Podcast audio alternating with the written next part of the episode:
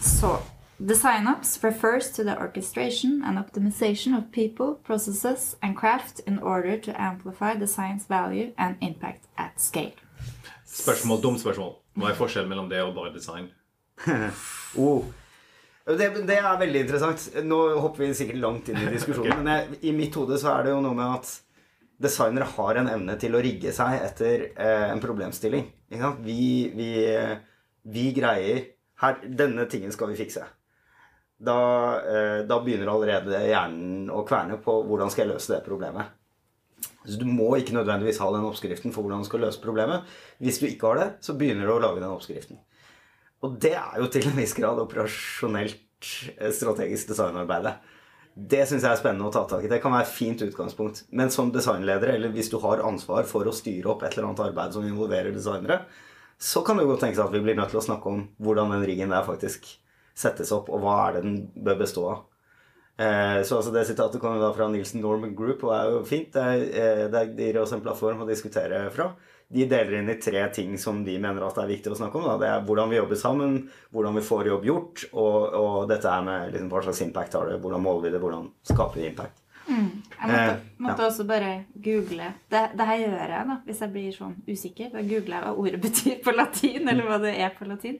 Og det er jo design sånn eh, eh, Det er jo point out. Make a plan. Mark. Ja. I mark. This sign. Ja. Ja, for det er en viktig differensiering, for i Norge så har kanskje ordet design, eh, som vi har, det er et låneord, vi har fylt det med en verdi i det norske språket som er mye tettere på litt håndverk, på sett og vis. Mens i det engelske språket så er jo design mye eldre enn designfaget. Altså det, det å have a design er jo det du trenger for å gjøre noe. Bygge et hus eller hva nå enn. Det er eh, Ja. Så, så vi, vi, vi er jo litt begrenset i, i, i hvordan ordet har definert oss. Og det må vi faktisk slåss litt med eh, i noen av eh, de rommene hvor kanskje ikke forståelsen er helt eh, lik. ja, fordi jeg føler jo av og til at vi som fagfelt blir tvunget litt til å kommersialisere noen av begrepene. Da. Sånn eh, design thinking. Jeg trenger ikke å snakke om det nå, for det er blitt men, men altså, at det har vært et behov på en måte nesten fra markedet for å kommersialisere begrep. Ja, men det er jo liksom det samme som servicedesign for liksom, Ja. eh, ti år siden. var jo liksom, eh, var alle skulle kjøpe kjøpe servicedesign, og da måtte man kommersialisere det. Alle skulle kjøpe design thinking, eh, og man kommersialisere det. på en måte. Men jeg, jeg, jeg tenkte over en ting, og det var at eh, noe av det som er veldig kult med designfaget, er jo den, eh, den evnen vi har til å ta inn nye kapabiliteter i verktøykassa vår veldig fort. Jeg mener at designfaget er jo Det, ligner jo ikke engang på det det var for bare 10-15 år siden. Det er fortsatt noen som gjør det, men det er så mange nye ting vi gjør.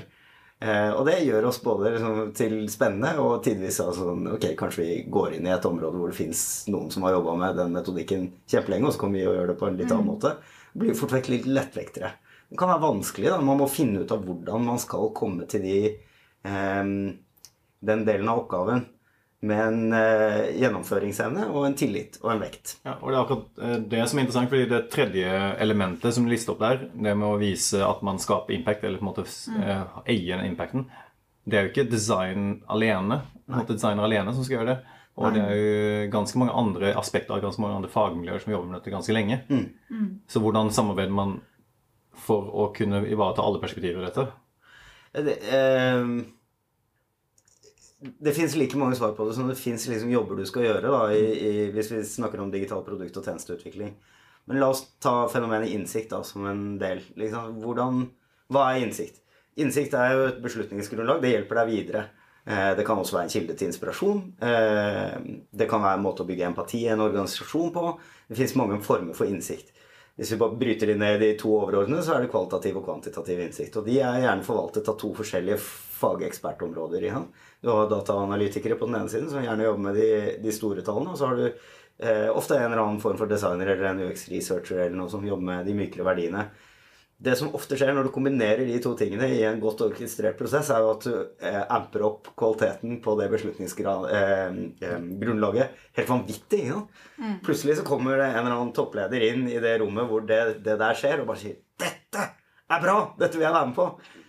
Og da blir det interessant å snakke om hvordan rigger vi oss for å komme til de, de situasjonene der. Det er det som kalles for et aha-moment. Ja, det er et aha-moment, men vil vi, vil vi at det skal være det? Hvis jeg skal være litt slem. fordi, fordi vi snakket, Før vi begynte å prate her nå, så snakket vi om liksom modenhet i organisasjoner. Og noen så er kanskje toppen kjempemoden, mens, mens den utførende delen er ganske lite moden. Andre steder så kan det være omvendt, at toppen ikke har skjønt bæret av hva designerne egentlig kan bidra med. Uansett så er dette med å ha et sete ved bordet, eh, hvordan du kommer dit Vi vil jo helst ikke ha, ha opplevelser. Vi vil at alle rundt oss skal forstå potensialet av det vi kan bringe. Så da må vi rigge oss. Da må vi snakke om design-ops, kanskje. Selv om det nå er sånn buzzword farlig. For... Hvordan på en måte, For det har jeg tenkt litt på. Jeg, jeg jobber jo akkurat nå med et internt produkt. Og allikevel har jeg sittet med det et par uker. Så er det sånn Oi, vent litt. Jeg har alle brukerne rundt meg, for det er jo ansatte der jeg jobber. Hvorfor har jeg ikke kalt inn til et møte hver eneste uke der jeg får noen til å komme inn på en kaffeprat? Det måtte jeg faktisk ta meg sjøl litt i sånn nakken. Og det kan jeg gjøre for teamet. Jeg kan automatisere at dem, selv når jeg forlater teamet, så er det en avtale mange uker frem i tid der det kommer til å dukke opp sluttbruker. Nok, nok. Snakk med teamet. Selv om ikke jeg er der. Gjør du noe sånn her? Så, eh, det fins mange måter å, eh, å skape en relasjon til de du skal bygge produkter og tjenester for. Ikke fokusgruppe. Det snakker vi om. Mm. Nei, men eh, eh, vi, eh, en, en ting da som er en del av liksom, eh, er Nilsen Norman Group sin definisjon, altså hvordan eh, hvordan får man gjort jobben? Det handler jo om prosesser og kanskje rutiner. Vi har f.eks. løpende Norstat-intervjuer som vi er liksom Ok, hvordan vi, Det er ikke alltid at vi vet hva vi skal snakke med de om bare uka før vi gjennomfører det, men vi, vi skal ha det. Eh, fordi det er Det har en av, alltid en av funksjonene som innsikt bringer. Altså den nærheten til brukerne. da. Eller innsikten om at Oi, shit, vi har ikke rukket å lage noe til en onsdag. Hva, hva sier det om oss? Ja, det sier noe om, det sier noe om strukturer og, og hvordan man organiserer seg, tenker jeg. Og det er også en viktig del av det. Og det men det, det tenker jeg også. Hvor viktig er det at du har sånn her dunk, dunk, dunk, vi skal gjøre dette og dette og dette, og denne rutinen følger vi alltid. Eh, Noen ganger så er eh, rutiner som gjentar seg selv, er verdifulle fordi de minner deg på aktiviteter som du kanskje glemmer i en eller annen stressa situasjon. Men jeg tror jo designere er ganske bra på å si her mangler det noe. Her mangler det noe. Jeg må snakke med en bruker. Jeg skjønner ikke hvordan dette funker. Eh, og da gjør man det. Det. Det overrasker meg med de som sier Nei, jeg vet ikke svaret på det, men jeg bare gjør det sånn allikevel. Det, det, det syns jeg faktisk ikke jeg kan si at jeg har sett noen gang. Er det ikke egentlig vans Det har jeg tenkt på, i hvert fall, at det er vanskeligere å gjøre innsikt på hva er egentlig problemet, eller utfordringene her, eller hvor er det det skurrer, enn å faktisk sitte etterpå og komme opp med forslag til løsninger. Når du har den innsikten om problemet, så er det faktisk nesten vanskeligere å finne ut hvordan skal jeg angripe. Så da er spørsmålet skal du gjøre innsikten før eller etter. Skal du ha den kreative session før, eller skal du ha den etterpå? Det er ikke så nøye, men igjen så er det med hvordan du strukturerer dette arbeidet. da. Eh, Hvordan velge, ja. fordi, eller sånn, Tanken din var på en måte at du har mange problemer eller utfordringer du kan velge å ta tak i. Men idet du på en måte har valgt den, så begynner du å farges av det du lærer. ikke sant? Det er jo Jeg syns den eh, Eric Reason Build, Measure, Learn-sirkelen begynner på feil sted. For det, er det. det begynner med build, og så measure, og så learn. Så har du på en måte aldri blitt farga, og du risikerer å eh, drive med lokale optimum. på en måte. Mens eh, i en sånn eh, god gammeldags forskningsverden så går det fra liksom eh, eh, en eh, Før deduktiv så går det til en induktiv metode først, og så går det til en deduktiv metode. Hvor den induktive metoden er først basert på observasjon, hvor du har minst mulig påvirkning på de du stu- studerer. Og så basert på observasjonen finner du noen form for mønstre. Basert på mønstre formulerer noen hypoteser, og så prøver du å koble hypotesene til eksisterende måte, teorier. teorier. Og så formulerer du nye hypoteser som du skal teste, og så lager du eksperimenter basert på det, og eventuelt validere eller avkrefte det. Og det syns jeg er veldig omfattende, men også en mye mer på en måte, riktig måte å utføre innsikt på, hvor du på en måte selv er litt mer spørrende og undersøkende først. Ja, og så er det noe med Det er noen som sa noe veldig smart til meg en gang. At eh, ja, fint, takk for at du onboarder meg i denne designrollen, men eh, nå kommer jeg og skal gi deg en liten innboarding, bare så du veit det. Dette her er, dette her er sånn jeg opplever hvordan det er å komme inn i dette produktområdet hvor jeg skal jobbe nå. Eh, dette her er det jeg tar med meg fra utsiden, som du kanskje har glemt fordi du har vært her for lenge. Eh, og dette er, det er det landskapet du snakker om, da. Fordi det landskapet endrer seg så fort. Og, og jo lengre du er i en jobb, jo mer nerd blir du på det arbeidet du driver med. Yes. Og så begynner du å eh, gjøre antagelser om til fakta. Og det er kjempefarlig. så, så det der å sørge for at du hele tiden går inn i observasjonsmodus og skrur hjernen din om på at 'dette kan jeg ikke noe om', eller later som at du ikke kan noe om det, da, eh, da blir du en svamp. Ja.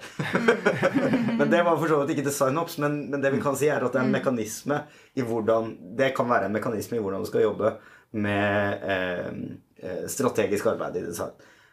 Så hvordan tilrettelegger du for det? Er det noe man skal bygge et system for? Eh, å ha det sånn? Skal det være litt sånn som disse rullerende Norstat-ukene våre? Skal vi ha liksom skal vi sørge for at vi går inn i noen sånne mindsets hvor vi blir mer responsive på behov? Eh, Det er interessant. Og kanskje det ikke bare skal være designere, kanskje det skal være hele, hele gjengen. Men jeg tror det fundamentale, den enkleste måten å tilrettelegge for det på, er jo å skape arenaer og skape prosesser og skape liksom eh, rutiner. Ja. Men det er den enkleste måten å gjøre det på.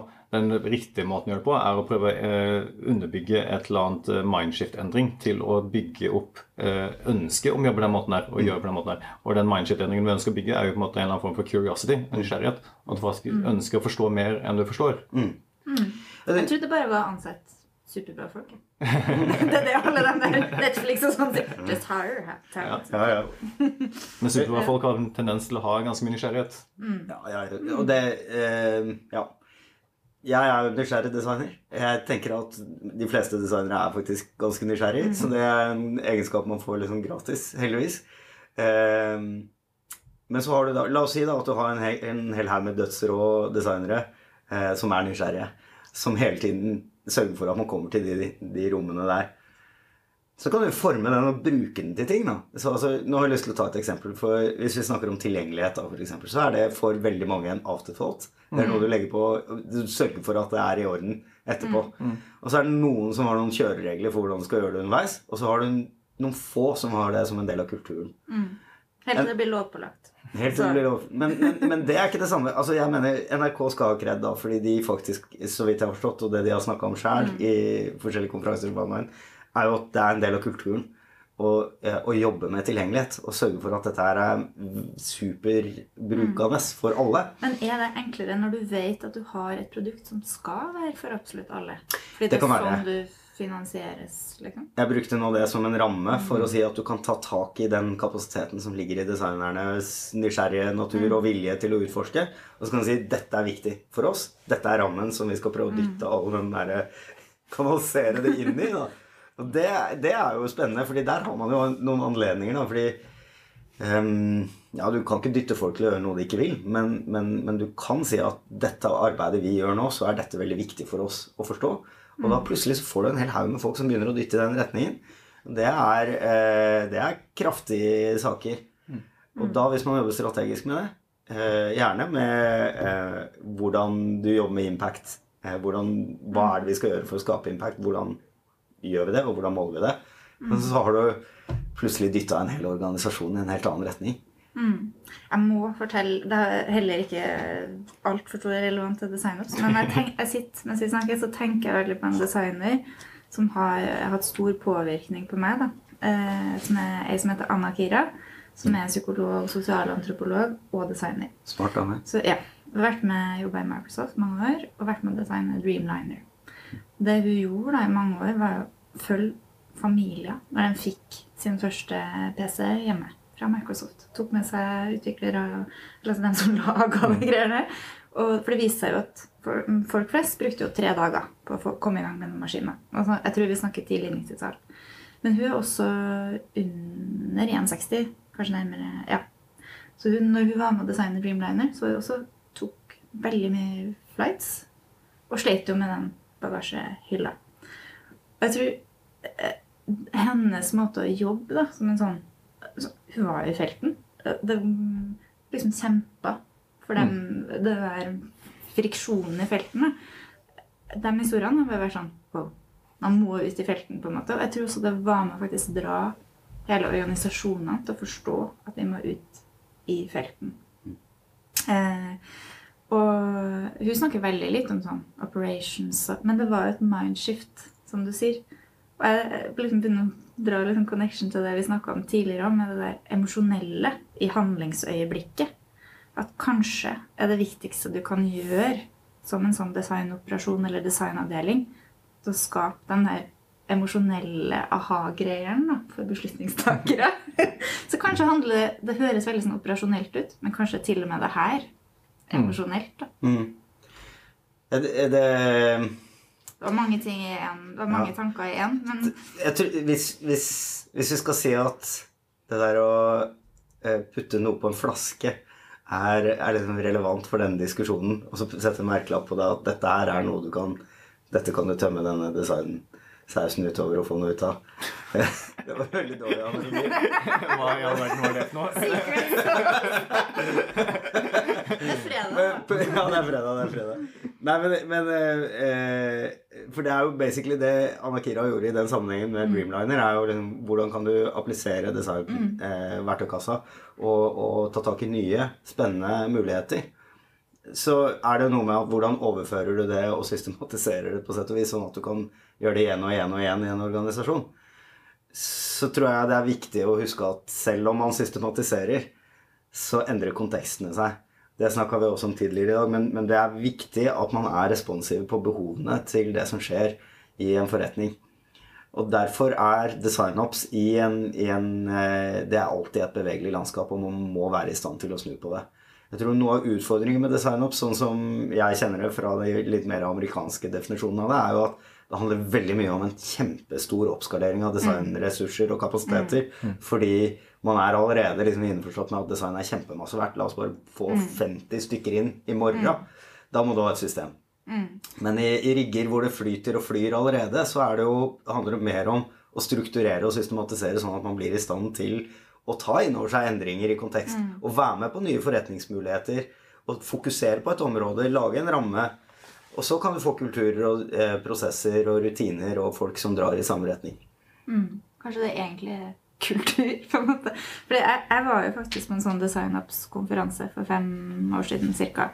Jeg fikk jo sjokk da jeg snakka med en mellomleder i Facebook om hvor mange eh, designere det var på ads-teamet.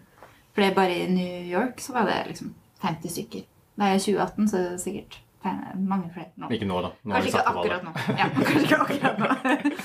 Eh, så, og, og jeg tenkte liksom sånn, Oi, hva får Altså jeg fikk helt sånn Wow. Hva får de 50 designerne egentlig lov til å gjøre? Og så ble jeg sånn Å, herregud, jeg er så glad jeg bor i Norge. Og liksom bare Altså, vi har så enormt potensial da, i Norge som designere, faktisk, fordi operasjonene ikke er så store. Føler jeg, da. Men så har jeg jo aldri sittet i en sånn gigarigg eh, der det er sikkert altså, For jeg lurer jo, sitter jeg da og jobber med den like-knappen? Eller uh, impressions, eller altså Hva sitter jeg og nøler på? Sitter jeg bare i sånne mix panels og følger med på data og responser på det? Men jeg, jeg tror, hadde jeg jobba her, f.eks., kunne jeg sagt jeg skal bli med så og så mange kunder ut hele veien, skal snakke med dem gjennom et helt år, og kunne faktisk hatt sånn signifikant da, impact på hvordan den tjenesten og det produktet oppleves. Og ikke bare hvordan ser Facebook-annonsen vår ut. En ting jeg er opptatt av i, Det høres enkelt ut, da, men det er eh, med, I mangel av bedre ord Det er rekkevidden på armene De strategiske armene til designerne. Der er det to ting man kan gjøre for å styrke det. Det ene er eh, slagkraften i det, og det handler om det du nettopp snakket om. Altså hvordan, hvordan backer du opp argumentasjonene dine? Hvordan måler du impact? Hvordan snakker du om impact? Hvordan tar du dette ut i de, i de rommene hvor du virkelig får muligheten til å flytte på ting? Men det andre er også, eh, og dette er mer kanskje pisk, men det er hvordan jobber du med organisasjonen for å øh, koble seg på den muligheten. Mm. så, så noe er gulrot, andre ting er pisk. Og, og jeg tenker jo at jeg er i en posisjon hvor jeg kan gjøre begge deler. Og det er, viktig, det er en viktig del av jobben min, er jo faktisk å, øh, å melde meg på de diskusjonene hvor jeg ser at her er det noe som ikke øh, gjøres på en smart måte, eller her, er, her kan vi bidra med noe, og så skape en mulighet. Og det skjer jo da gjerne ofte med at øh, jeg må, må rekke opp hånda og si jeg, øh, har dere tenkt på dette og dette, eller denne brukeren, eller hva nå enn. For jeg er ganske sikker på at hvis, du, hvis jeg og gjengen min kan komme inn og være med, så, så skal vi dytte denne greia her ganske kjapt framover. Liksom. Men da må du jo også ha evnen til å dytte det framover, da. Fordi hvis ikke så sitter du bare igjen med en dårlig opplevelse på alle som mm. Så, men det er spennende. Da må man rigge seg litt. Eh, og det Ja. Det er hverdagsjobben, eh, faktisk. Mye for meg. Syns det er gøy. Så det er veldig gøy. Ja, takk. Takk for praten.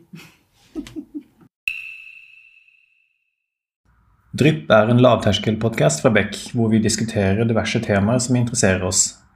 Og hvis du har et tema som du har lyst til at vi skal snakke om, eller du vil være med på en innspilling, ta kontakt på drypp.beck.no.